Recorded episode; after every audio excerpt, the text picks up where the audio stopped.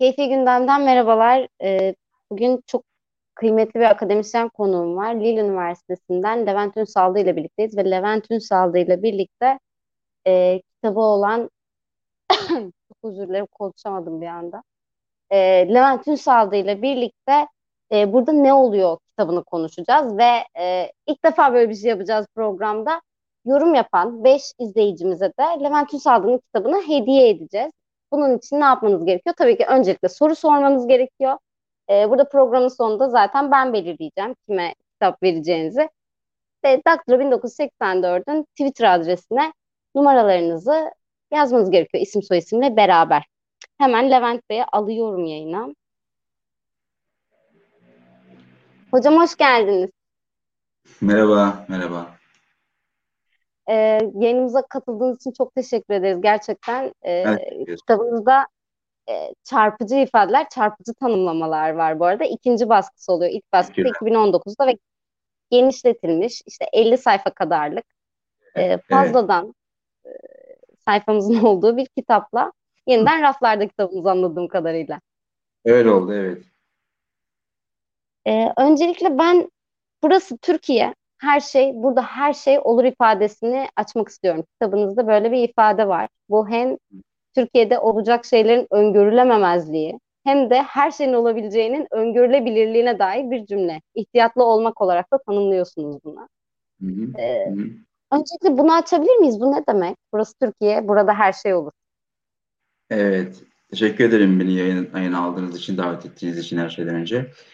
Şimdi ilk şeyden başlayayım isterseniz. Bu genişletilmiş baskı nereden çıktı? Çünkü normalde bu kadar bir genişleme yapılmaz bir kitapta. Yani yapılır fakat belki bir ikinci bölüm olarak e, çıkabilir vesaire. Bu benim benim böyle bir halim var. Ben böyle e, mesela belli dönemlerde yazmıyorum. E, sürekli not olan bir insanımdır ben. E, çoğu çalışmam böyledir. Bir tanesi sadece o daha konvansiyonel bir şeydi ama genelde çalışmalarımın çoğu böyledir. E, sürekli gözlemlerim, not alırım ondan sonra. Hatta işte önceden telefonlar yoktu. İşte elimde bir ufak bir blok notum olurdu. Onu taşırdım. Oraya notlar yazardım vesaire. Ee, benim yazma ritmim biraz böyle yani zamana yayıyorum ve aklıma geldikçe bir şeyin notlar alıyorum. İlk başta o notlar o dağınık, daha sonra notlar birleşmeye başlıyor. Oradan bir şeyler çıkıyor. Orada bazı hatlar belirginleşiyor. O hatların üzerine yeniden gidiyorum. Bazen o hatların belki yanlış olduğunu düşünüyorum. Oradan geri çekiliyorum. Bu zaman oluyor biraz. E, dolayısıyla böyle bir bitmiş bir ürün, e, bitmiş bir, e, çünkü eğer kitabı ürün olarak varsayarsak, hani bitmiş bir e, argüman dizisi olmuyor genelde bu.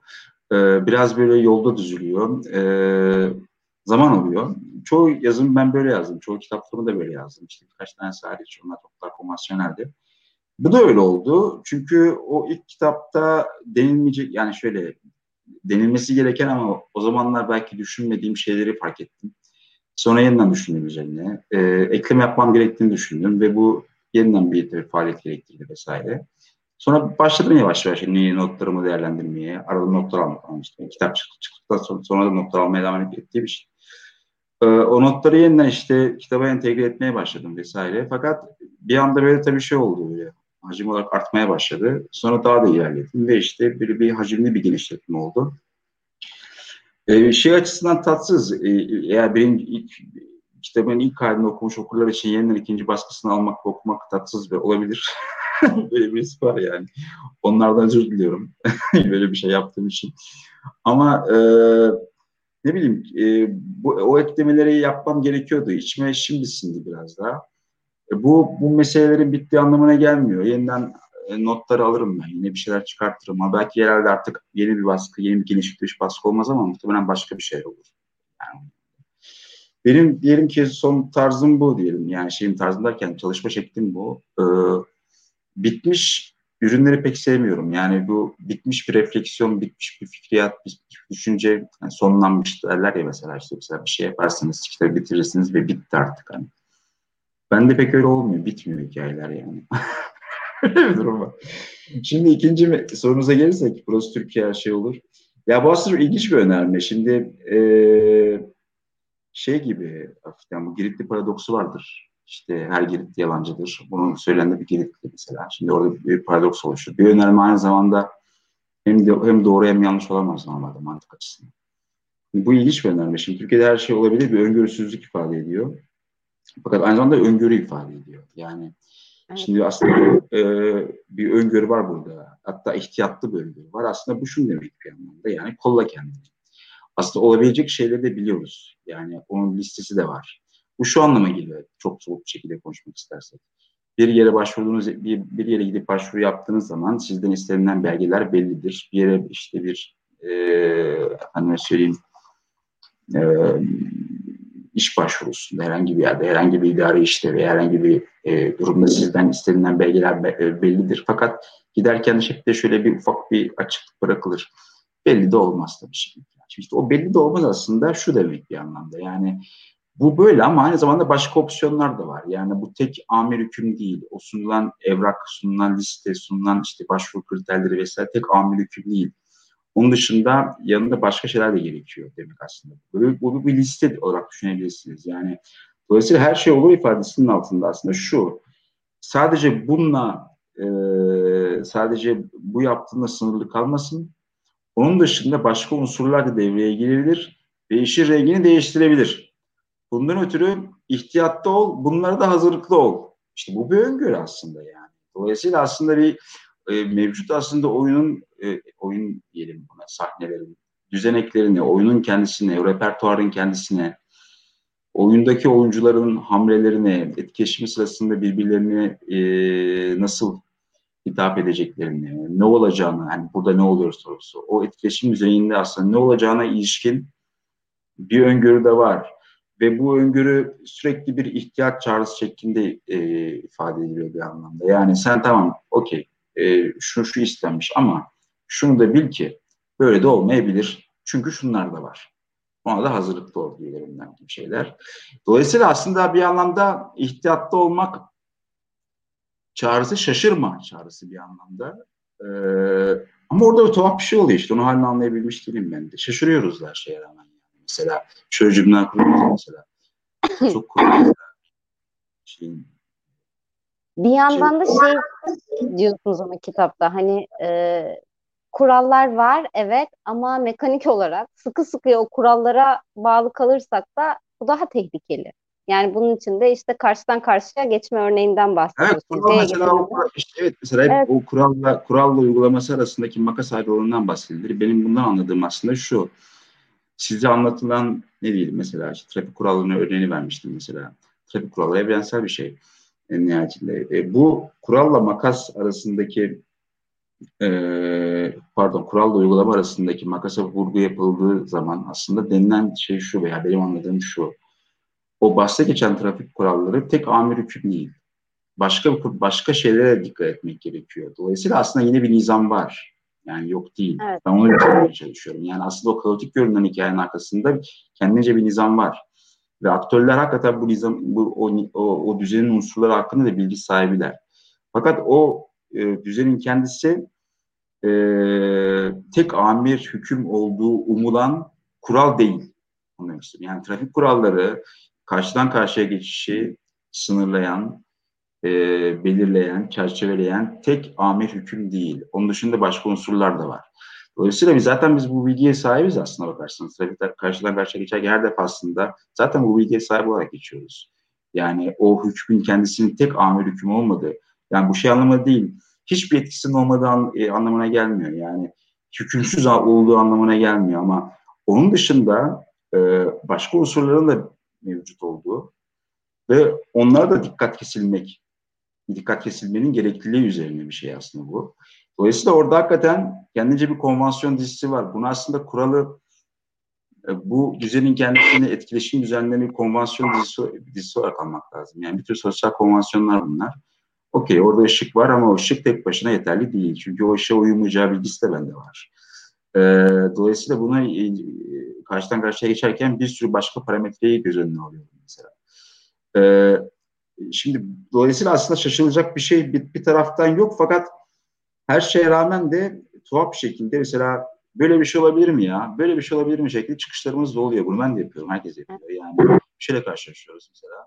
Sanki daha hiç olmamış gibi. Sanki, daha önce bu, bu bilgi bizim repertuarımızda yokmuş gibi. E, anlatabiliyor muyum? Mesela işte işte siyasilerin de şeyi var mesela Kılıçdaroğlu'nun çıkışlar oluyor ya mesela sürekli. Böyle bir şey olabilir mi? E, oluyor yani. Oluyor oldu da hani bu da bir yıllardır oluyor. Yeni bir şey değil yani. Ve bu bilgi stoğumuzda var. Yani ben size kimse karşıdan karşıya geçmeyi öğretmiyor. Bunu zaten bilgi stoğunu taşıyorsunuz.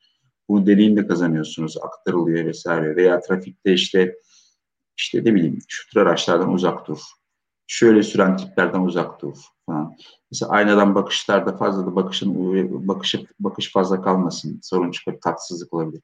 E, çok fazla güç ilişkileri üzerinden gider mesela bizim etkileşimlerimiz. Yani bizim bir zorlama vardır. Mesela o yazıda şeyden bahsediyorum. Mesela dolmuş şoförü kurallara uyar. Mesela her defasında yani istediği zaman veya zaman, e, sinyal verdiği zaman şerit değiştirirken sinyal verdiği her defasında aslında kurallara uyar. Ama aynı zamanda başka bir sürü şey de yapar. Fakat bunların hepsinin kendi içerisinde bir ekolojisi vardır. Herkes önüne, herkes önüne kırmaz. Otomatik bilişsel me orada mekanizma var. Yani orada şey demiştim. O bilişsel yetenekler tek başına yapılan şeyler değil, çevrenin aracılığıyla. Yani bu ciddi bir şey mesele, meselesi aslında. Yapay zeka hikayesi çok kullanılır mesela. Bir sürü data var. O datayı alır. O data içerisinde dataların aracılığıyla ne zaman şerit değiştirmesi gerekeceğini, kimin önüne kırması gerektiğini, kimin önüne kırmaması gerektiğini, aynen bir yayının hangi şartlarda geçmesi gerektiğini bildiği gibi aslında bilir. Şimdi buna rağmen işte e, şöyle şeyler olur ne bileyim işte bir yere başvurursunuz. E, aynı zamanda tanıdık gerektiğini de bilirsiniz. Şimdi tanıdık gerekliliği o başvuru koşullarındaki şartları yeriniz, yerine getirmenizi e, getirme gerekliliğini ortadan kaldırmıyor.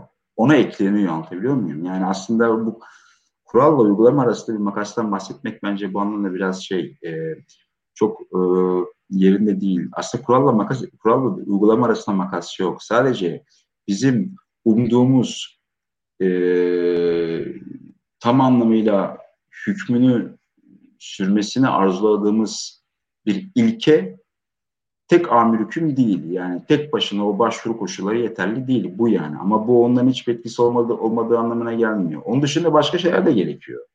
Bu, bu o demek yani. Her şey olur bu demek yani. Onun dışında başka şeyler de olur gerekiyor yani. Onun yanında bu da olacak, bu da olacak, bu da olacak. Bu bilgi var.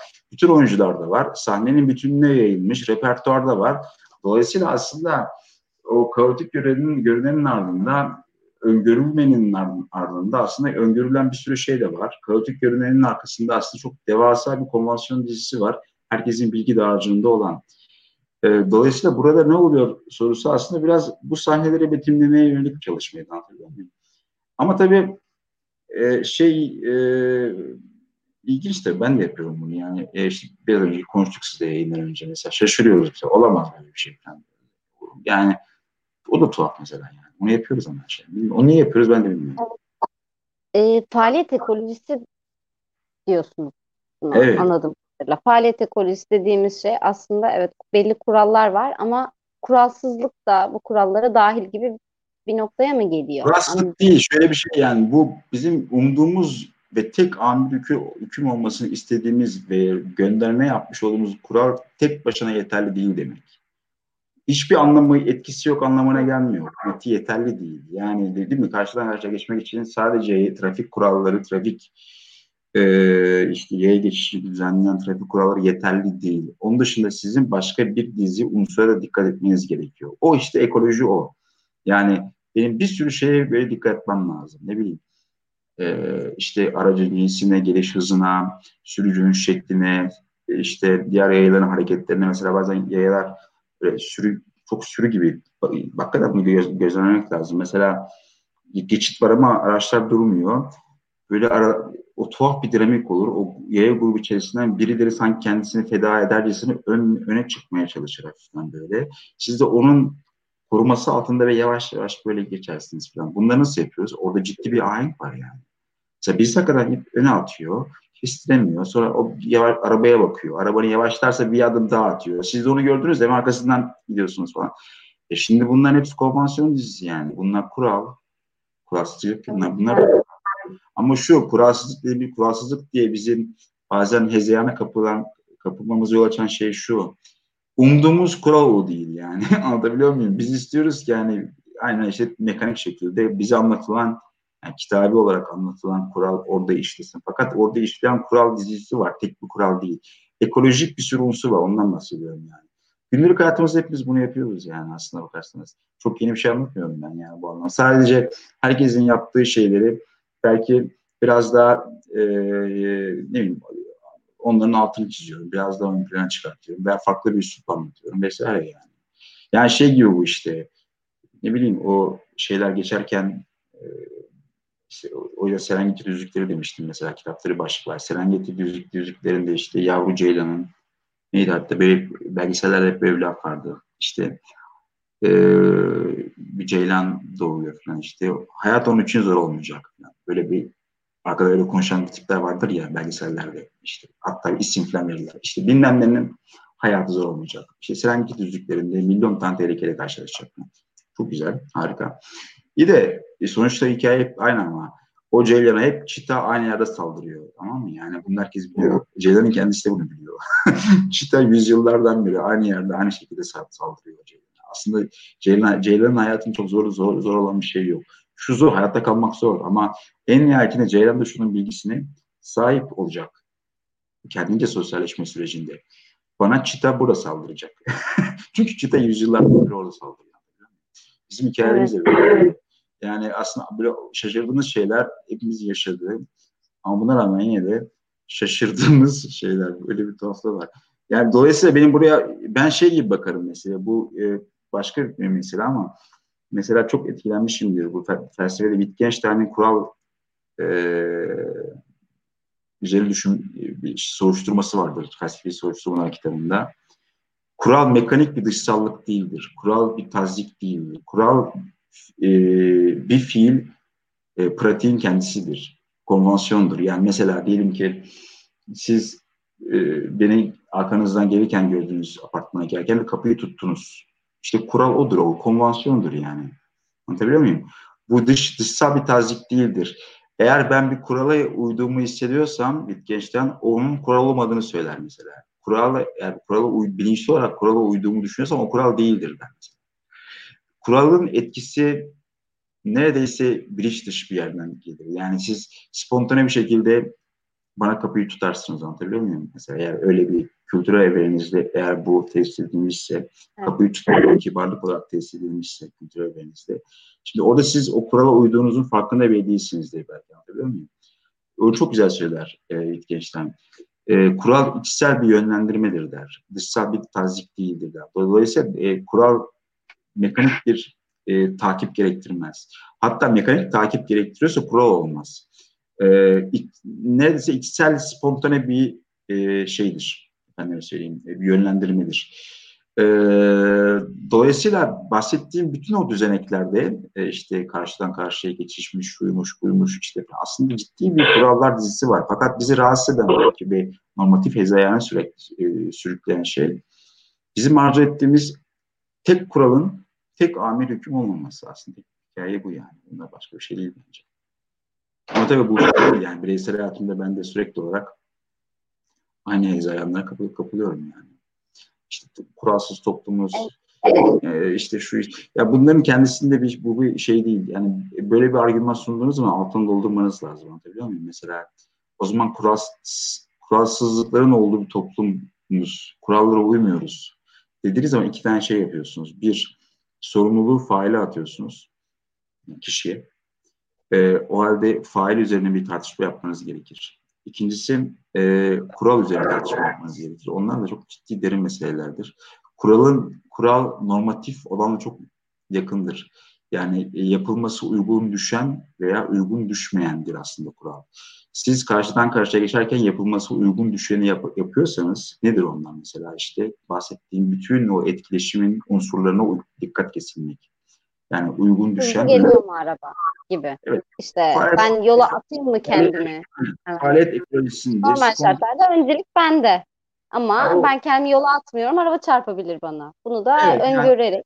Evet, o ekoloji, o ekolojide, o faaliyet ekolojisinde uygun düşen veya uygun düşmeyen e, hamleler vardır, hareketler vardır. Kural aslında budur. Uygun düşen veya düşmeyen. Siz aslında e, sadece trafik kurallarının çizdiği e, hatla, hatlarla yetinmeyerek ve daha da ötesinde durumsal olarak o andaki milyon tane milyon tane etkileşim unsuruna dikkat kesilerek aslında zaten kuralı bir, bir nevi kurala uyuyorsunuz. Çünkü uygun düşeni yapıyorsunuz. Uygun düşen ya da düşmeyen. Ha şimdi bundan sonra şu tartışma yapılabilir tabii ki. E, efendim böyle olmaz ama canım işte yani bunun kuralı da bu olamaz. O zaman başka bir şey. O zaman değiştirmek istiyorsunuz. O zaman ne gidersiniz ne bileyim başka şeyler yaparsınız falan. Bunu, bunu bunun kendisine eleştirebilirsiniz ama e, aslında siz bahsettiğim unsurlara dikkat kesilerek bahsettiğim şekilde e, tek bir kuralla yetinmeyerek aslında bir anlamda e, faaliyet ekolojisi içerisindeki en uygun düşen davranışı yapıyorsunuz kuralın normatif olanla çok yakın bir ilişkisi vardır. Yani uygun düşüp düşmemesi, münasip düşüp düşmemesi gibi bir şey anlatabiliyor muyum? Yani? Mesela benim şu anda burada yapamayacağım milyon tane şey var size konuşurken. Mesela şu anda bir anda saçma sapan şeyler yapamam. Ne bileyim mesela bir anda hoplayıp zıplayamam. Ee, size siz diyorum mesela. Ee, sen Büşra'cım diyemem mesela. Ee, ne bileyim bir anda e, sigara yapamam belki. Bunları niye yapmıyorum ben? Bana bir işte kural, hepsi kural, konvansiyon bunların hepsi. Çünkü niye münasip düşmez? Peki münasip düşmeyi düşüp düşmeme taziği nereden geliyor? E, normativite yani toplumsallık işte yani. Dışsal tazik dediğimiz şey de bu. Ben şu anda bazı şeyleri yapmıyorsam münasip düşmeyeceğini, münasip e, uygun görülmeyeceğini düşünüyorum. Siz de yapmıyorsunuz. Aslında şu anda biz kural, bir, sürü, bir dizi kurala uyuyoruz bir anlamda. Kural tam da böyle bir şeydir aslında. Kurala uyduğunuzu fark etmezsiniz. Yani normatif normativite kendisini böyle size dayatır. Ee, bize de böyle düzenekler var. Dışarıdan bakıldığı bakıldığı zaman oldukça ilginç düzenekler onlar. Yani değişmesi keyifli oluyor açıkçası.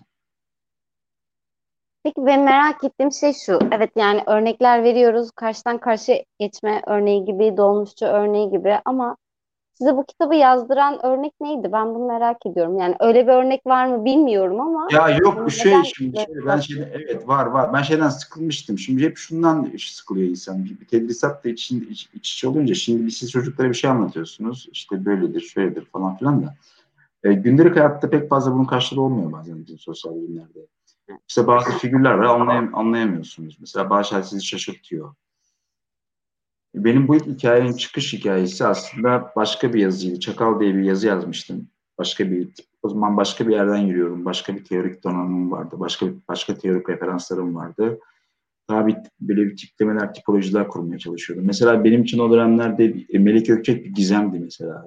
Yani bu adamı çözmek hakikaten ciddi bir mesai gerektirdi. Hakikaten yani bu adam bir ilginç bir adam yani çöz gizem. Yani böyle bizim böyle gizemli figürler var etrafımızda. İşte gündelik hayatımızda anlayamıyorsunuz. Yani işte tuhaf geliyor. E, kitapta kitaplara yöneliyorsunuz. Kitapta bir şeyler bulmaya çalışıyorsunuz. E, kitapta okuduklarınızla onlar arasında bir örtüşme pek fazla olmuyor bazen. E, işte e, ne bileyim tedrisatın milyon tane örneği var. Şey, sosyolojiye giriş derslerinde işte başka da antropolojiye giriş derslerinde vesaire. Onun yaratmış olduğu bir yoksunluk. Ve bundan ötürü bir şey derdi. Yani hakikaten şu etrafıma biraz daha yakından baksam fena olmaz fikri. Yani şu etrafında ne olup ne bitiyor. Aslında hikaye biraz da oydu yani. Ya ben bunu anlayamıyorum yani. yani bir şeyler anlatıyorum ama bu anlattıklarım beni çok tatmin etmiyor. Etrafında ne olup ne bitiyor. Biraz oradan başladı ve olabildiğince normatif yargılardan yani hezeyanlardan veya yargılamalardan kaçarak mesela yani işte bizim ülkemiz işte kuralsızlığa işte insanlarımız cahil işte insanlarımız böyle falan bundan da bunlardan uzaklaşarak ve keza bazı e, çok kullanılan ama aslında boş gösteren bazı kelimeleri de kullanmayarak mesela işte Kemalistmiş, işte şeymiş, şuymuş, Müslüman falan. Ben bunları pek anlamıyorum yani. Benim için boş gösteren zaten. Siz bana birisi için Kemalist dediği zaman neye tekabül ediyor pek fazla anlamıyorum. İslamcıyı deyince de anlamıyorum yani. Anlayamıyorum gerçekten. Bunlar bana boş gösteren gibi gelmeye başladı. Yani şu anlamda bir, bir, bir, bir denemeydi aslında. Yani o etrafında olup bitenleri ve bazı işte e, figürleri mesela işte şey gibi, Gökçek figürü gibi Anlayamıyorum ya. Yani ben okuyu kaç yıl, yıl bu sosyoloji okudum anlayamıyorum yani. E bunu anlamak için ne yapabilirim gibi bir dertti aslında buradan çıktı ve bu dert çok 2014-2015'ten beri benim kafamı kurcalayan mesele yani. Dolayısıyla gündelik hayata dönmem de biraz bununla alakalıydı. Yani gündelik hayata dönüp bakayım biraz daha ve etrafımda olup bitenleri e, gözlemleyeyim ve orada benim sağım aslında gündelik yaşamımdır. Şimdi mesela o çok konvansiyonel değildir mesela benim yaptığım bir şey. Şimdi sağ çalışmalarında gerek antropolojide gerek sosyolojide mesela sağ şöyle bir şeydir. İşte gidersiniz bir yere 5-6 ay kalırsınız mesela antropologlar için diyelim veya bir yıl kalırsınız veya sosyologlar için gidersiniz bir yerde bir bölgede işte birkaç ay mülakat yaparsınız işte bileyim veya başka yöntemler kullanırsınız gelirsiniz sağ olur. Benim sağ anlayışı böyle bir şey değil. Benim sağ anlayışım teorik e, şamandıralarla işaretlenmiş bir uzam. Anlatabiliyor muyum? Yani sahayı kuran bakıştır aslında. Teorik bakıştır. Teorinin teorik şamandıra olmadan saha olmaz. Sahayı kuran neyin saha olacağına karar verecek olan teorik şamandıralardır. Şimdi benim için saha kendi yaşamımdı, yaşadıklarımdı, bütün şehirdi, e, duyduklarımdı, gördüklerimdi, gözlemlediklerimdi ve bunun zamansal bir sınırlaması da yoktu. Anlatabiliyor muyum? Hem e, kitapta örneklere bakarsanız bazı alanlarda çok daha fazla örnekler var. Mesela işte ticaret hayatı, bürokrasi, efendime söyleyeyim e, akademi falan. Mesela bu tür alanlarda belki gözlemlerim daha fazla olmuştur. E, belki saham daha fazla oralara kaymış olabilir belki. Ama benim saham e, zaman e, zamanda sınırlı değildi. Uzam olarak da e, benim teorik şamandıralarımı koyduğum her yer, yani her yer, yani benim evimin içi, kapı komşumla yaptığım muhabbet, e, apartman girişinde yaptığım muhabbet, e, arkadaşlarımla okulda yaptığım muhabbet, işte ticaret hayatında karşılaştıklarım, yani teorik şamandıramı koyduğum her yer benim sahamdı bir anlamda. Şimdi dolayısıyla çok konvansiyonel bir şey değil. Zamana yazılan, zamana yayılan, uzamı biraz daha açan bir yer. Ee, ama hep ben böyle çalıştım. Yani, yani hep ben o not alırım falan filan. Ee, şeyin çok güzel bir lafı vardır. Ee, Sapir isimli Amerika, Amerikalı antropolog. Ee, Sapir der ki nefes al, nefes al, alma şekliniz bile e, toplumsal açıdan, sosyolojik açıdan incelenmeye değerdir. Mesela bir sizin ben kızgınlık ifadesi olarak bazen böyle bir öfleyip püflediğiniz andaki nefes alma şeklinizle e, başka anlardaki nefes alma şekliniz büyük ihtimalle değişiyordur. Farklıdır. Sizin kızgın olup olmadığınızı mesela nefes alma şeklinizden öf pöflemenizi anlayabilirim. E, bunun kendisi bir toplumsaldır ve bu en az e,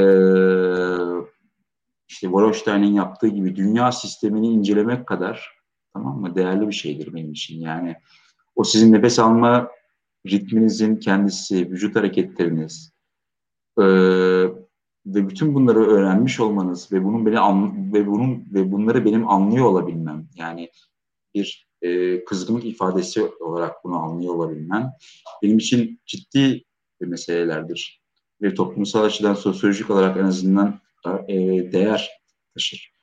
E, ufa, ufacık şeylerdir böyle.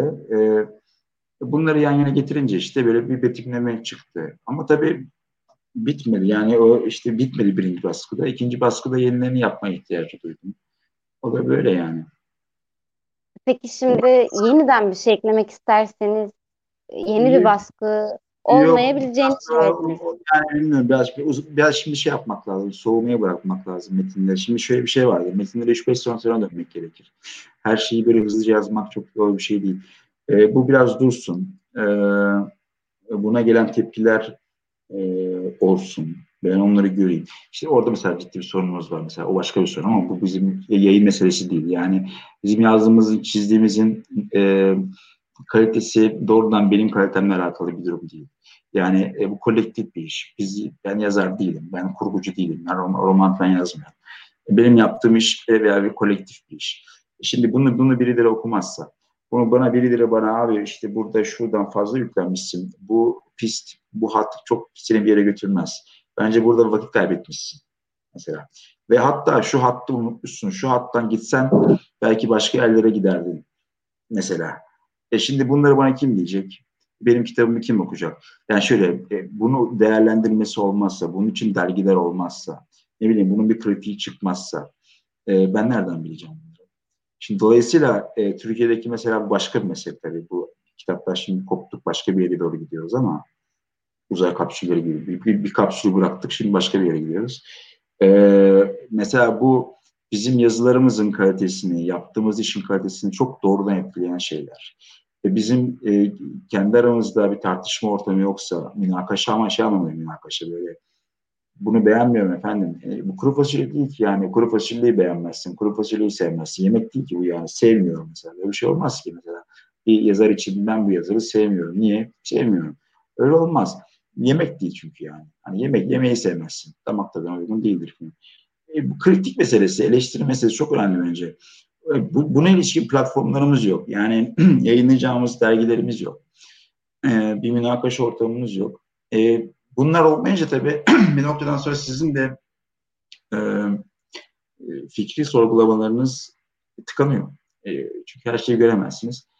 E, işte mesela böyle bir imkan verdiniz bana. En azından mesela ben böyle bunları anlatmaya falan çalışıyorum. Bu hoş bir şey benim için. Mutlu oluyorum yani. Ee, benim merak ettiğim başka bir şey daha var. Aslında evet yani bu kitabı ortaya çıkaran bir süreç oldu sizin için. Evet belli sorular vardı, aklınızda belli unsurlar vardı. Başta neydi, sonunda ne oldu? İkinci baskıda nerelere geldi artık? Yani bunu eksik düşünüyormuşum, bunu yanlış Ya düşünüyormuşum. ikinci Yok bu valla tam e, şeyde nokta e, atışı yapmışım dediğiniz bir yer. evet ya eksik olan şey şuydu. Orada biraz güç ilişkileri kısmı eksikti. Ee, Türkiye'de benim bahset etkileşim düzeneklerimiz güç güç kullanımına çok hassas. Çünkü kadrajları çok geniş olduğu için.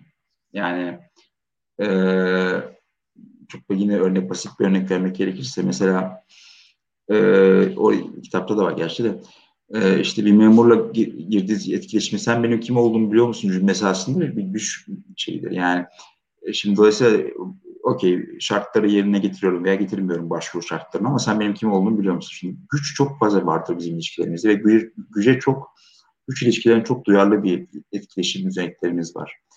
Ee, işim hallolmadığı zaman birilerini arayabilirim, tanıdık devreye sokabilirim.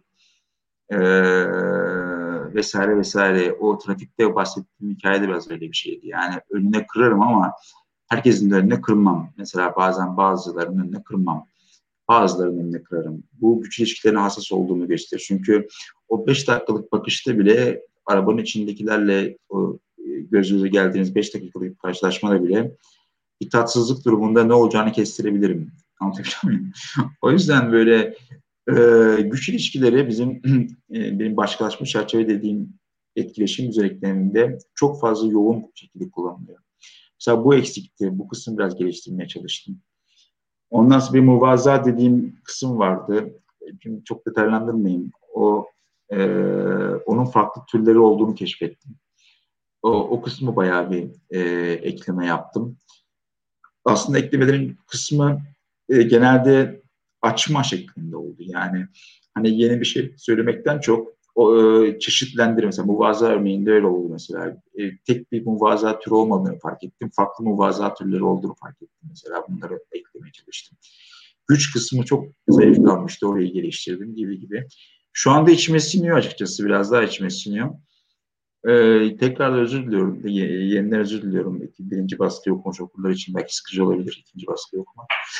Ee, böyle oldu. Ee, birazcık herhalde artık bu konuları bırakırım ve başka meselelere e, yönelirim diye düşünüyorum önümüzdeki dönemlerde. Ama tabii belli olmaz. Şimdi kaf kafamız gidip geliyor arada yani. Öyle oluyor yani. Makalelerinizden takip etmek isteyeceklerdir. Üçüncü, hadi ikinci baskıyı da aldım. Üçüncü baskıyı da makaleden takip edeyim diyebilirler belki. Hani bu şekilde bir mecra arayışınız olur mu? Yani evet böyle bir kitap yazdık. Bunları bunları dedik ve bu da bir makale diyerek. Ek Tabii, olarak tabii. kitaptan böyle bir şey olur mu? Evet. Ya işte öyle bir şey bizim çok güzel, güzel projelerimiz vardı. Bizim heretik yayınlar içerisinde makaleler için olsun, bir tür yayınlar yapmak gibi olsun. İşte o siteyi daha bir aktif hale getirmek gibi olsun, makaleleri yayınlamak falan gibi olsun. Çok benim bir yayınlanmamış makalem vardır. Yani kendim için yazdım. Bu kitap yerini bulmamış bir sürü yazım vardır. Çünkü dediğim gibi ben böyle bir mesela şöyle yazmıyorum yani. Oturuyorum işte beş ay sonra kitap çıkaracağım. Beş ayda kitap bitireyim. Ben böyle yazmıyorum. Sürekli not, not, not, alan bir insanım. O var dur, duruyor bir sürelerde. Mesela bunların geliştirilmesi gerekiyor. E şimdi bir de tabii şöyle bir şey oluyor yani e,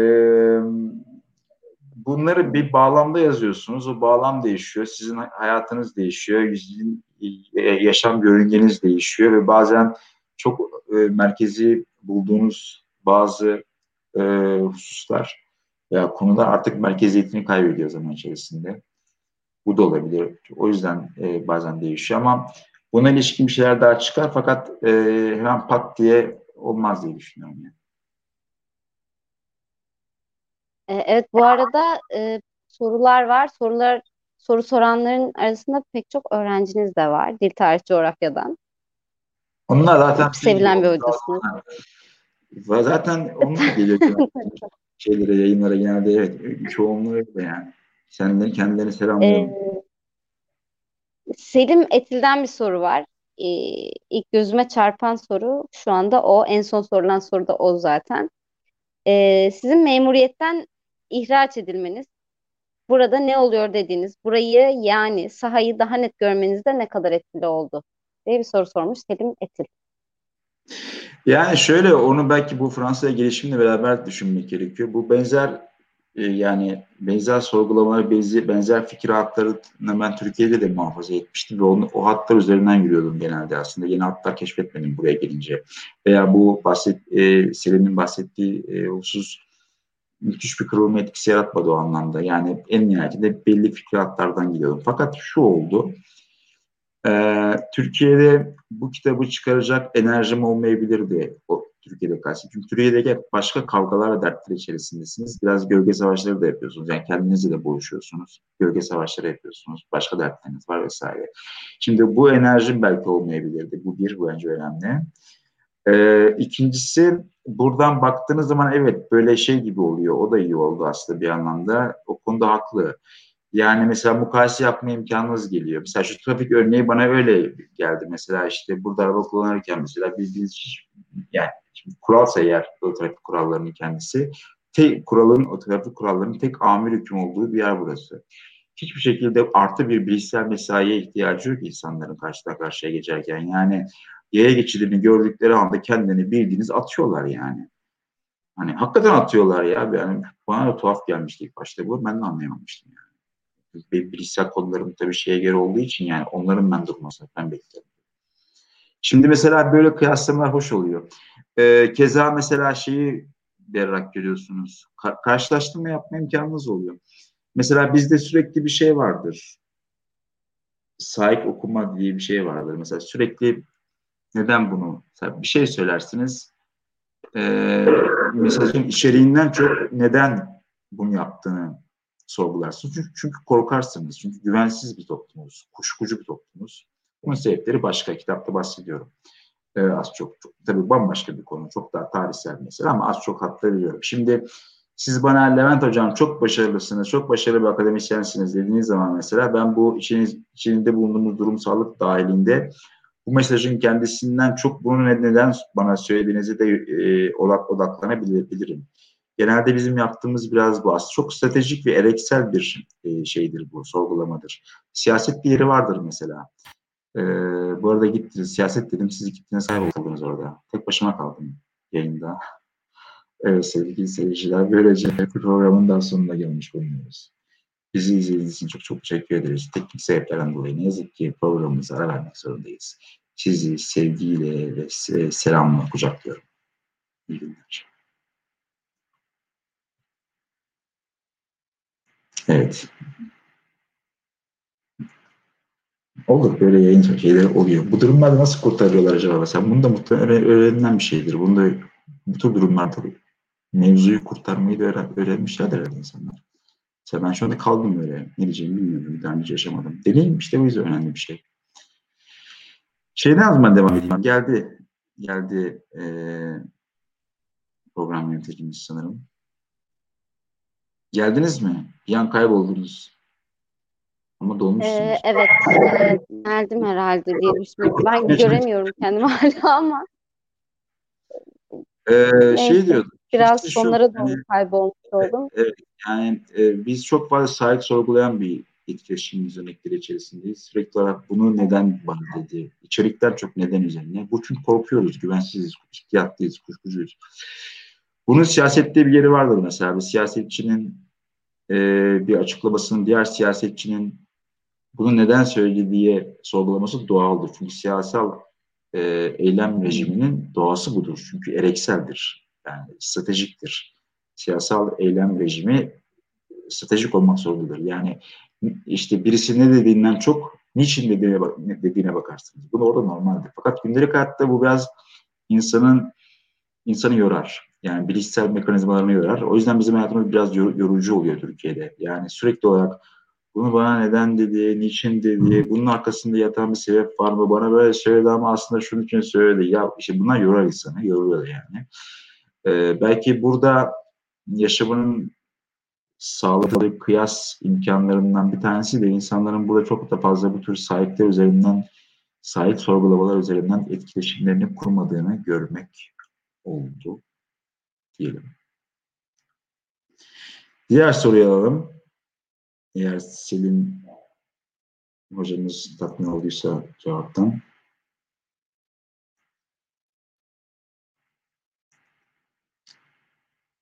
Evet. Ben görebiliyor muyum cevap buradan şeyleri? O görebiliyormuşum. Ben, cevap, ben cevaplayayım o zaman.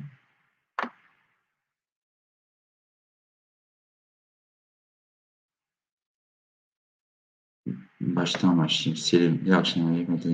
Hocam selam söyle.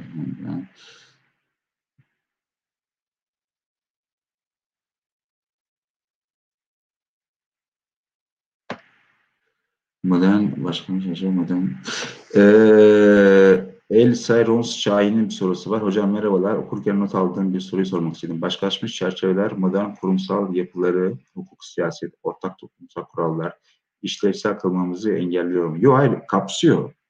Yani kapsıyor ama sadece onunla sınırlı tutmuyor, onu demek istedim. Başkalaşmış çerçeveleri ben e, bu işte ekleme, eklemeleri bir tanesi de o kısmı çok oldu. Çünkü daha daha iyi tanımlamak gerekiyordu sanırım o, o şey o kısmı. Tanımı daha net vermek gerekiyordu. Başkalaşmış çerçevelere ilişkin bazı tanımlar verdim. E, çok en basit en basit tanımıyla başkalaşmış çerçeveler zıt e, eylem mantıklarının bir aratılığıdır. Muyum? Mesela uydurdum, uyduruyorum. Normalde mesela işte rüşvet olmaz. Ama e, bizde oluyor.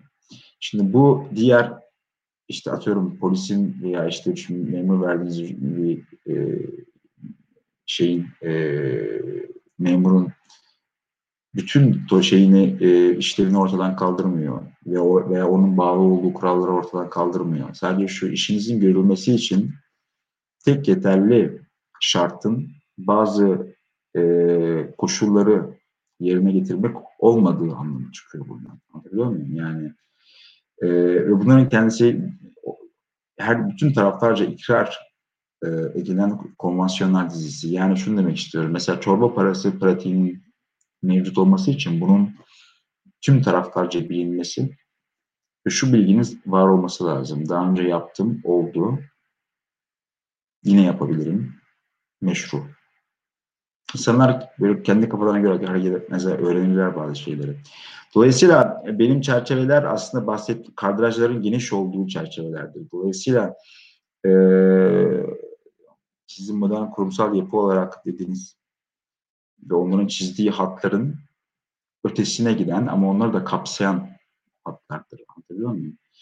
E, bundan dolayı aslında olasılık sayısı fazladır. E, bundan ötürü e, baştaki soruya geri dönersek mesela öngörme meselesinde daha böyle birinci çerçevelerin sıkı sıkıya kapalı olduğu, kadrajların sıkı sıkıya kapalı olduğu bir yerde gidip bir yere başvuru yap, yapmanız gerektiği zaman tanıdık fikri anlamsızlaşır. Çünkü sadece o başvuru yapmanız yeterlidir.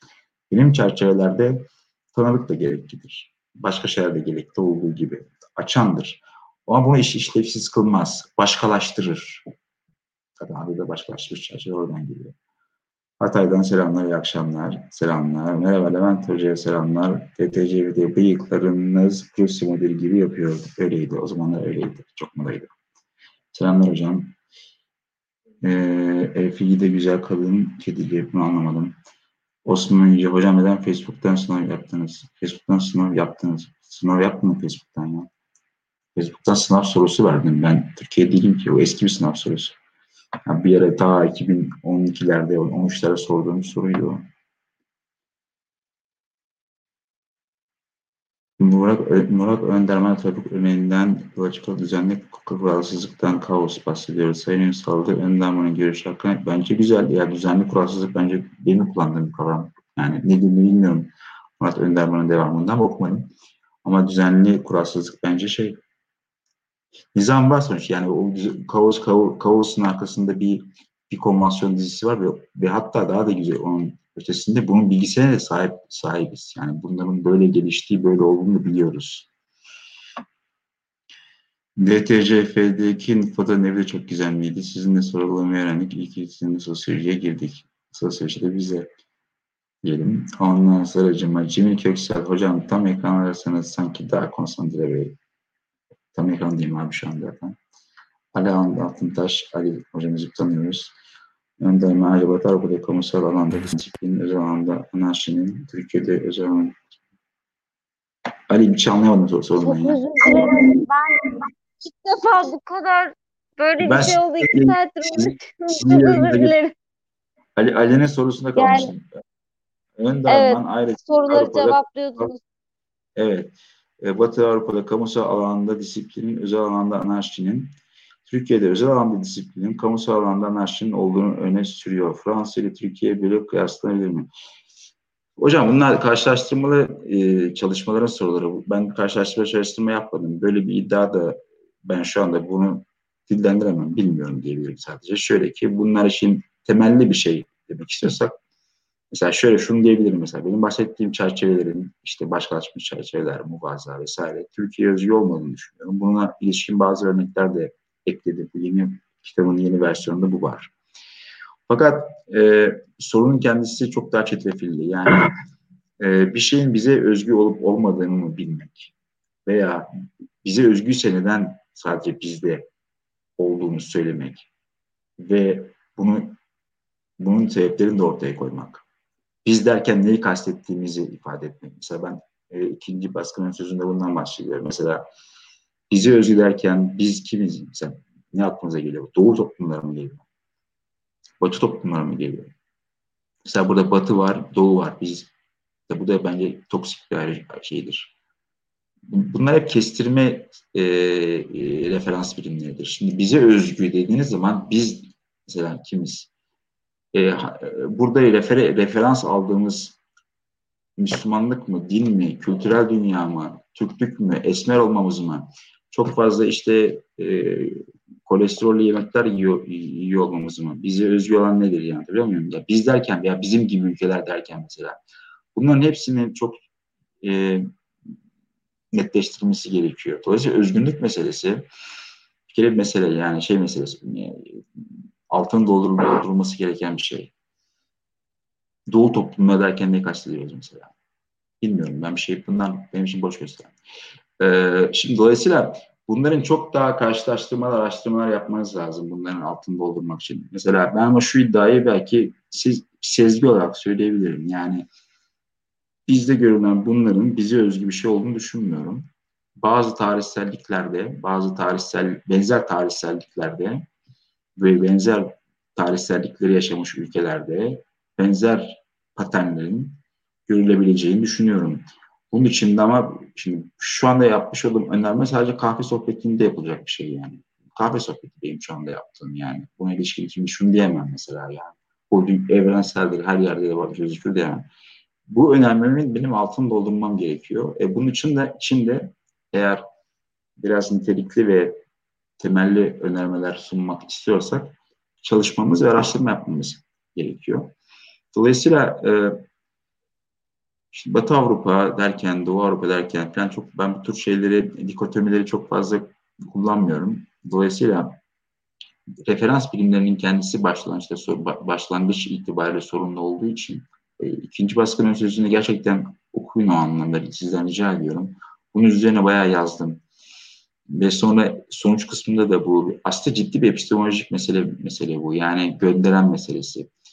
e, siz bir şeyi bir refer ediyorsunuz. Bir e, referans birimi.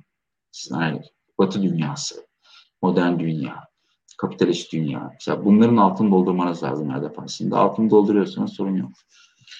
Hocam peki sizin memuriyetten ihraç edilmeniz buna cevap verdik. Ona cevap verdik. Şimdi bir soru geldi. Ee, onu hemen okuyayım isterseniz. Evet. Ee, fizik felsefesinde kaosu örgütleyen ortak amacın bir düzenlik ve bu düzeni sağlayan kaos çekicisi olduğu ifade edilir. Fakat yine de o düzensizlikteki düzen bir kozmos değildir. Ee, sorudan ziyade aslında galiba bir analiz, bir Evet, fikir. güzel cümle. Ben yani içeriğini tam anlamadım ama güzel. Muhtemelen başka bir yani konferans olsak belki daha iyi anlardım. Ee, çünkü fizik felsefesi vesaire gibi beni çok aşan şeyler bunlar. Ee, ama bu konu hakkında e, dinlemek isterdim. Evet. Güzel bir ifade. Ee, diğer bir soru. Yani bu soru artık yani diğeri soru değildi de gerçi. Ee, başkalaşmış çerçevelerin ihtiyaç duyduğu, duyduğu bir... Ha bunu cevapladınız mı bu arada ben yokken? Ona göre soracağım çünkü. Az önce kadraj dediğiniz duydum çünkü ama e, Ha, evet. başkalaşmış çerçevelerin ihtiyaç duyduğu bir kadrajda aktör bunu gerçekleştirecek donanıma sahip değilse elenir mi? Eğer elenirse ne yapacak? diye bir soru O- var. Ya çok kötü durum. Mesela o çok benim başıma gelmiştir. Örnek vereyim mi size mesela ben bir yere şey de yaptım. Turist rehberliği falan. Şimdi turistler tabii geliyor buraya hadi anlatıyorlar tabii işte. Onlara kendi tipleştirme üzerinden geliyor ya buraya. Yani tip, tipleştirme bunlar en nihayetinde. Yani işte gittiğiniz ülkede şöyle pratikler vardır gibi. Yani bunu en azından bunun bilgisiyle geliyorlar. Mesela işte e, polisle bir sorunuz olduğu zaman e, halledebilirsiniz diye bir bilgi de var demek ki kafalarında. E, araç kiralıyorlar. Sonra işte polis durduruyor. Saçma sapan bir şekilde işte yol yordan bilmemek denilen şey bu. Altını çiziyorum. Yol yordan bilmemek önemlidir işte. Bizim başkalaşmış çerçeve. Aslı arkadaşın sorduğu soru tam böyle çok güzel bir soru. O gerçekleştirecek donanıma sahip değilse iyi ben şöyle anlıyorum mesela. Yol yordan bilmektir hocam bunun ismi yani. Yani çorba parası verirken bile onun yol yordamı vardır yani. Böyle, şimdi bizim tabii turistler bilmiyor gerizekalılar. Pat diye çıkartıyor böyle çok e, şey yani böyle acemice hareketler yapıyorlar. Acemice olunca ne oluyor? Eleniyorlar yani. Eleniyor.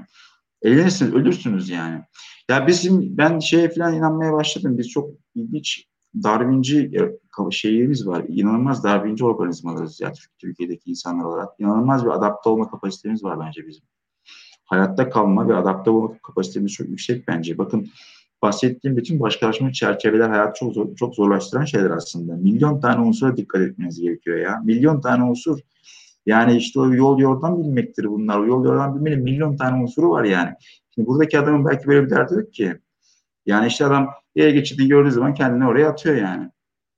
Yani bilişsel enerjiyi sarf etmiyor. Şimdi benim benim bir gün içerisinde Türkiye'de sarf ettiğim bilişsel bir enerjiyle buradaki bir adamın kadının sarf ettiği bilişsel enerji aynı değildir muhtemelen yani. Ee, çünkü bende çok fazla done var. Çok fazla data giriyor şey yapmam için, hamle yapmam için vesaire. Ee, ve bu elenme hikayesi doğru yani. Ee, biz bunu genelde ele, işte öğreniyorsunuz yani. Serengeti düzlüklerinde Ceylan'da ne yapacağını öğreniyor yani. Siz öğreniyorsunuz. Öğren öğrenemezsiniz. Hoş olmaz. Evet, buna cevap verdiniz mi bunu da bilmiyorum ama ben gerçekten biraz önce koptum ve böyle öyle bir kopuş şimdiye kadar yaşamadım. Hep kopuyorum ben bu arada ama her yerden ayrı ayrı koptum. Çok özür diliyorum bunun için sizden de. Siz böyle Yani, gerçi öğrencilerinizi baş başa bırakmış oldum bir yerde de. Evet, Onlar hallerinden memnunlardı. Evet yani hepsi e, öğrencim değil ama bir kısmı çok büyük çoğunluğu öğrencim değil. Evet. Ee, mu, muvav yok ben de okuyamadım. Muvazza sahip sayı gibi terminolojisi. çok fazla Harika. hukuk terminolojisinde de dahil kavramlar kullanıyorsunuz. Hukuk teorisine ayrı bir ilginiz söz konusu mu? Ya ayrı Evet, şey ama onlar, evet şu an yani öyle bir ilgim yoktu fakat bu normativite hikayesi üzerinden, normatiflik hikayesi üzerinden hukukla bu işi çok yakınla, yakınla, yakından bağlantı olduğunu düşünmeye başladım. Konu çok zayıfım ben. Yani o konuda bir teori okumalarım falan yok. Ee, ama bu kural sorgulaması üzerinden işte muvazza vesaire şu bu. Ee, Muvaza'da çok kural daha, daha ziyade. Hukuk terminolojisi ve hukuk teorisine karşı beni bir ilgiye sürüklüyor. Ama çok yetersizim bu konuda. Benim şey, çok da fazla bir şey demeye gerek yok. Evet. Ee, bu arada Muhammed Nur da şöyle bir soru soruyor. Biraz daha özel bir soru. Çok akademik bir soru da değil aslında. Düzen değiştiğinde Türkiye'ye dönecek misiniz acaba? Yani böyle bir şey mi bekliyorsunuz gerçekten? Hani Yok, düzen değişmesini, düzen, düzen değişmesini beklemiyorum. Ben Türkiye'ye Türkiye'ye hep dönmek istedim. Benim özel meselelerim, özel bir soru şeyim var burada. Burada kalmamın benim başat sebebi e, çocuklarım benim burada. Tek hikayem aslında bu. Beni burada tutan tek şey bu. Yoksa benim şu anda e, Fransız Üniversitesi'ndeki konumum, ders yüküm, e, efendime söyleyeyim, bunlar çok tatmin etmiyor beni. E, dolayısıyla hani çok bayıldığımdan kalmıyorum. E, aslında çocuklarım olmasa muhtemelen nerede çok daha keyif veriyor. Benim elimde Heretik diye bir araç vardı. O çok büyük bir şanstı. Ben orada emeğimi kullanmak isterdim. Orada bir şeyler yapmak isterdim. Ee, onun hayaliyle yaşıyorum hala aslına bakarsanız ve bu Türkiye'deki bir şeylerin düzelmesine bağlı değil. Benim çocuklarla ilişkimi e, formüle etmeme bağlı bir şey yani.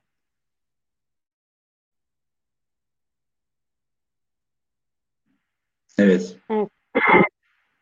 Ben ben buradayım herhalde. Gitmedim. Gittim sandım da yine. Anlık Ben anlık sürekli geriliyorum böyle özür dilerim.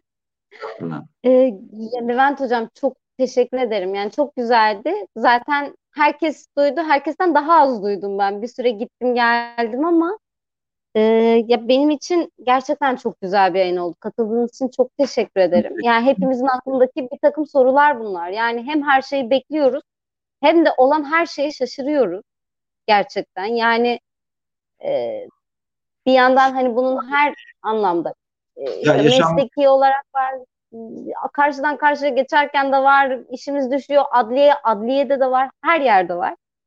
E, gerçekten hani Çok, çok bunun hikayesini yazdım aslında. Ülke çok yorucu bir ülke. Çok e, işte dediğim gibi bu yani tasvirli belki ne bileyim kolay veya keyifli anlatımı falan vesaire ama bunu yaşamak tabii zor.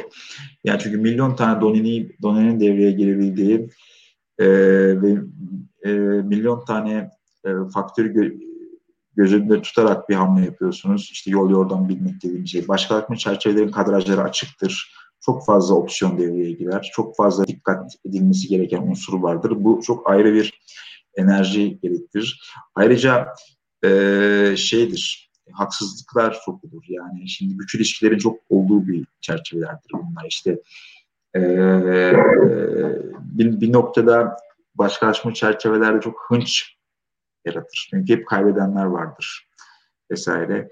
E, kapsamlı yorucu, şimdi bunları tasvir etmek başka bir şey. Bir de bunların içerisinde yaşamak başka bir şey. E,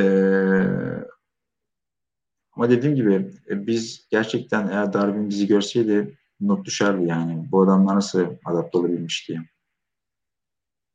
Ya evet zaten yıla girişimiz inanılmazdı. Bir sürü olayın arkasından bir de Düzce otobüsünden piton yılanı falan düştü. Biz hala böyle ona da şaşırtalım. Olur yani Düzce otobüsünden piton düşmüş falan.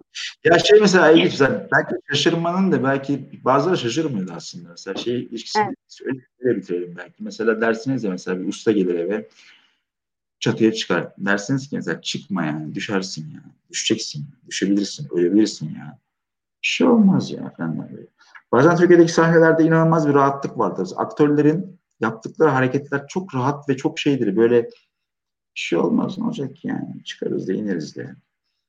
Belki o oyun o oynanan kendi içerisindeki hani o oyunu, o oyunu her gün oynayan aktörlerin kendileri belki böyle bir rahatlığa sahip oluyor bilmiyorum da mesela siz dışarıdan panikliyorsunuz falan filan belki de bunun sınıfsal tarafı da vardır muhtemelen. Siz panikliyorsunuz o paniklemiyor yani. Ee, böyle bir tuhaf bir kayıtsızlık ve rahatlık içerisinde işte böyle bir olur yaparız haller de vardır. Yani bu şeye tezatlık teşkil ediyor. Bir taraftan dedim ya yorucu, zorlayıcı ama bir taraftan da bazı insanlar için sanki hiç de yorucu değilmiş gibi gözüküyor. O da bir ilginç. Evet. Evet. Yani bu biraz şeye benziyor sanki ya. Evet Türkiye'nin evet her yerinde bir şeyler oluyor yani fakat doğusunda daha fazla bir şeyler oluyor. Dolayısıyla bizim burada yaşadığımız bu nasıl devlet, bu nasıl bilmem ne falan dediğimiz şeyleri yıllardır Kürtler söylüyor mesela. Böyle de bir durum var. Onlar belki de e, hani bizim şaşırmamıza mı şaşırıyorlardır acaba? Hani biraz anlatmak istediğiniz bu muydu bilmiyorum ama bana ya, bu tabii, örneği gitti. Vardır tabii. Şimdi ya şimdi şöyle bu gündelik yaşamınızın geçtiği ritim sizin de sizin de ritminizi belirliyor. Şimdi bahsettiğiniz bölgede Kürtlerin yaşadığı, onların gündelik yaşamıyla şimdi benim gündelik yaşamım bir değil ki. Dolayısıyla tematik yani hatta belki bu yazdıklarım hiçbirisi anlamsız da gelebilir yani. Çünkü başka aciliyetler var. Şimdi başka aciliyetler varken oturup da burada ne oluyor diye bir kitap okumazsın. Biliyorum da. ee, hazır kitaba geri dönmüşken e, bu arada ben böyle bol bol not aldım. Arkadaşlar gittim geldim ama not aldım yani. Kim soru sordu falan hepsi bende. Hediyeleri de ben belirleyeceğim falan bu arada. Ee, e, şimdi bakıyorum. Böyle mi okunuyor bilmiyorum. Kendi isminizi yazmadığınız için El Sayrons Şahin ya da Sahin. Ee, Evet. Lütfen öncelikle siz Daklo 1984 Twitter adresine isminiz, soy isminiz ve telefon numaranızı soru- sorusu var. Onu ben sorayım. Onu, onu cevaplayayım. Sabri da diyor ki e, başkalaşmış çerçeve neden batıda yok? Batıda yok değil var. Evet tekrar soru sorun. Var ama bu kadar yoğunluklu değil. Bu mesele şey Hı. değil. İşte e, ikinci kitabındaki e, eklemelerin bir kısmı bu yönde var. Muvaza da var burada. Başkalaşmış çerçeve de var. Hepsinin de oluyor. Fakat bizdeki kadar yaygın değil. Soru şu. Neden bu kadar yaygın değil? Ha, onun da işte ciddi şekilde bunu ben cevap veremem. Karşılaştırma araştırma yapmak gerekir. Eğer şey hani hep aynı yere geliyoruz. Yani bir kahve sohbetini yapmak istiyorsak e, en nihayetinde benim bu soruya tam anlamıyla cevap verebilmem için e, karşılaştırmalı araştırma yapmam gerekir. Ve bunun için de öncelikli olarak e, neyi karşılaştıracağımı bilmem gerekir. Şimdi siz Batı dediğiniz zaman mesela Batı hangi ülkeden bahsediyorsunuz? Onu, onu bakmak lazım. E, ona göre bir önce bir referans birimlerini tanımlamam lazım. Devamında karşılaştırmaya gitmem lazım ve bildiğiniz böyle bir hakikaten 3-5 yıllık e, bazı ülkeler üzerinden yapılan bir ampirik araştırma üzerinden şunu diye, diyebilmem lazım. Türkiye'de bu kadar sık görülmesinin sebepleri diğer ülkeye kıyasla bu. Şimdi bunu yapmadığım sürece buradan cevap veremem. Yani veremem yani. yani. Bir fikrim var sadece ama o bir sezgi yani. Sezgi anlamında var yani. Sorusunu da ekrana getirelim bu arada. Ee, evet, siz son sorusunu da cevapladınız. Dediğim gibi ilk hediyemiz, ilk kitap hediyemiz kendisine Şahane. gidiyor. Evet. Ee, Bravo. diğer kitabı birden fazla da soru sorduğu için e, sizi de ekranda tam ekranda sizi görmek istediği için beni de asla görmek istemediği için Selim Etil'e vermek istiyorum. Ee, güzel sorular sormuştu çünkü. Onun dışında Sultan Güneş'e bir kitap daha gidiyor. Üç oldu. Muhammed Dur. Kendisi ihraç edilen akademisyenlerden de biriymiş. Aynı, aynı zamanda biraz önce görmüştüm. Bir de Yağız Alp Tangun. Ee, ismini saydığım kişiler lütfen Daklo 1984 Twitter adresine telefon numaralarını ve isim soy isimlerini yazabilirlerse kitaplarını haftaya göndermiş olalım. Ee, ve tabii ki bu kitap için bize değil de e, şu anda Levent Bey'e teşekkür etmeniz, Levent Hoca'ya teşekkür etmeniz gerekiyor ve çok ilgili dinleyen insanları saydım bu arada gerçekten. Sadece soru soran insanlara. Evet. Ee, aa, bu arada Selim Etil benim yerime başkasına verebilirsiniz demiş. Kendisinde varmış zaten. İşte mesela Selim Metin normalde demek Türk yani hiç bizim benim anlattığım figürden bir insan değil mesela. Öyle gözüküyor. Ben kitapta Selim Metin'den bahsetmiyorum mesela. O yüzden oku, okuma, okumayabilir Selim Metin mesela. Normalde Selim tabii benim anlattığım kitapta ki bir insanın hiçbir şekilde böyle bir cümle kurmaması lazım. yani Alayım mı hala Selim tam ekrana hocayı? hayır, Yoksa emin misin? Bak şu anda mesela şey yani şimdi benim repertuarımda olmayan bir tepki gösterdi Selim Etin. Ben şimdi şaştım mesela. Bir repertuarımda çünkü böyle bir böyle bir tepki yok yani. Ben de var başkası alsın tepkisi benim repertuarımda yok. Yani geldiğim kültür evrende bunlar olan şeyler değil pek.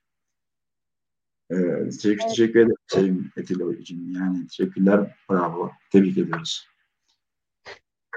İkinciyi de, birinci baskı almış, ikinciyi de okuyormuş. Üçüncü baskı artık Selim'e yollarsınız hocam. Belki. Selim, Selim'le beraber yazarız. Ee, Cengiz Canem ben alabilirim hocam demiş. Hemen talip çıkmış ama soru soran birine vereceğiz Cengiz. Ee, burada Osman Yüce'yi de Cengiz, not almış ben. Çak bir tane soru daha. Hemen bir soru daha çak Cengiz. Cengiz sen de yolla bence yani. Bu arada gerçekten soru soran yayında yorum yapan herkes yollasın ama biraz önce saydığım isimler e, kitap hediyesini kazandı ama belki yollamayan olur ve yollarız diye düşünüyorum. E, bu sebepten yollayabilirsiniz. Evet. insanlar evet Selim Etil link kitabı varmış zaten. O yüzden bence tekrar tekrar yollamamıza gerek yok. Bence iyi bir davranış. Yani siz yapmaz mısınız belki ama niye ikinci kez bir kitabı daha olsun ki? Ben çok çok ben ben de ben ben de alabilirim falan o zaman diyormuş. Ya çok teşekkür ederim gerçekten hocam. Yani e, benim için gerçekten biraz önce bahsettiğim gibi kitap evet ben çok ben akademisyen değilim zaten gazeteciyim. Çok akademisyenlerle yayınlar yapmıyorum, programlar yapmıyorum ama e, hani sizin de yayının öncesinde bahsettiğiniz gibi çok sadece akademisyenlere hitap eden bir kitap değil bu. E, bize aslında gerçekten de biraz bize anlatan bir kitap yani. Kendi toplumumuzu anlatıyor. Karşıdan karşıya geçtiğimiz refleksleri anlatıyor anlatıyorsunuz yani. Dolayısıyla ee, ben çok keyif aldım yayından. Her ne kadar kopsam da gelsem de bir şeyler olsa da. Ben Yo, çok ben keyif de... aldım. İzleyenler benden daha fazla keyif almış anladığım kadarıyla. Beni görmek istemedi kimse. Ee, çok teşekkür ediyorum ben. Sağ olun, sağ olun. Herkes katılma katılımcılar için, sorularınız için, yorumlarınız için, paylaşımlarınız için çok teşekkürler. En böylece size de hasret gidermiş olduk bir şekilde. İyi oldu, hoş oldu. Ben bir o zaman hemen bir e, kapanış yapıyorum ve geri dönüyorum size. Bizim burada adetimiz yayın sonrası kritik yapıyoruz.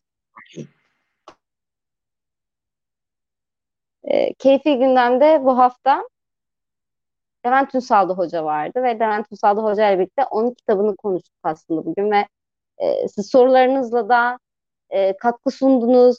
Beni de görmek istemediniz. Ben buna çok kırgınım aslında. E, bir yandan da özür demek istiyorum. Gerçekten uzun süreli bir kopma yaşadık. Geçen hafta olmadığı için biraz rahattım ama bu hafta tekrar böyle bir şey oldu. Umarım haftaya böyle bir şey tekrar yaşamayız. Zaten gerçi alıştınız diye düşünüyorum ama e, bir sonraki keyfi gündemde görüşmek üzere. Hoşça kalın. Kendinize iyi bakın.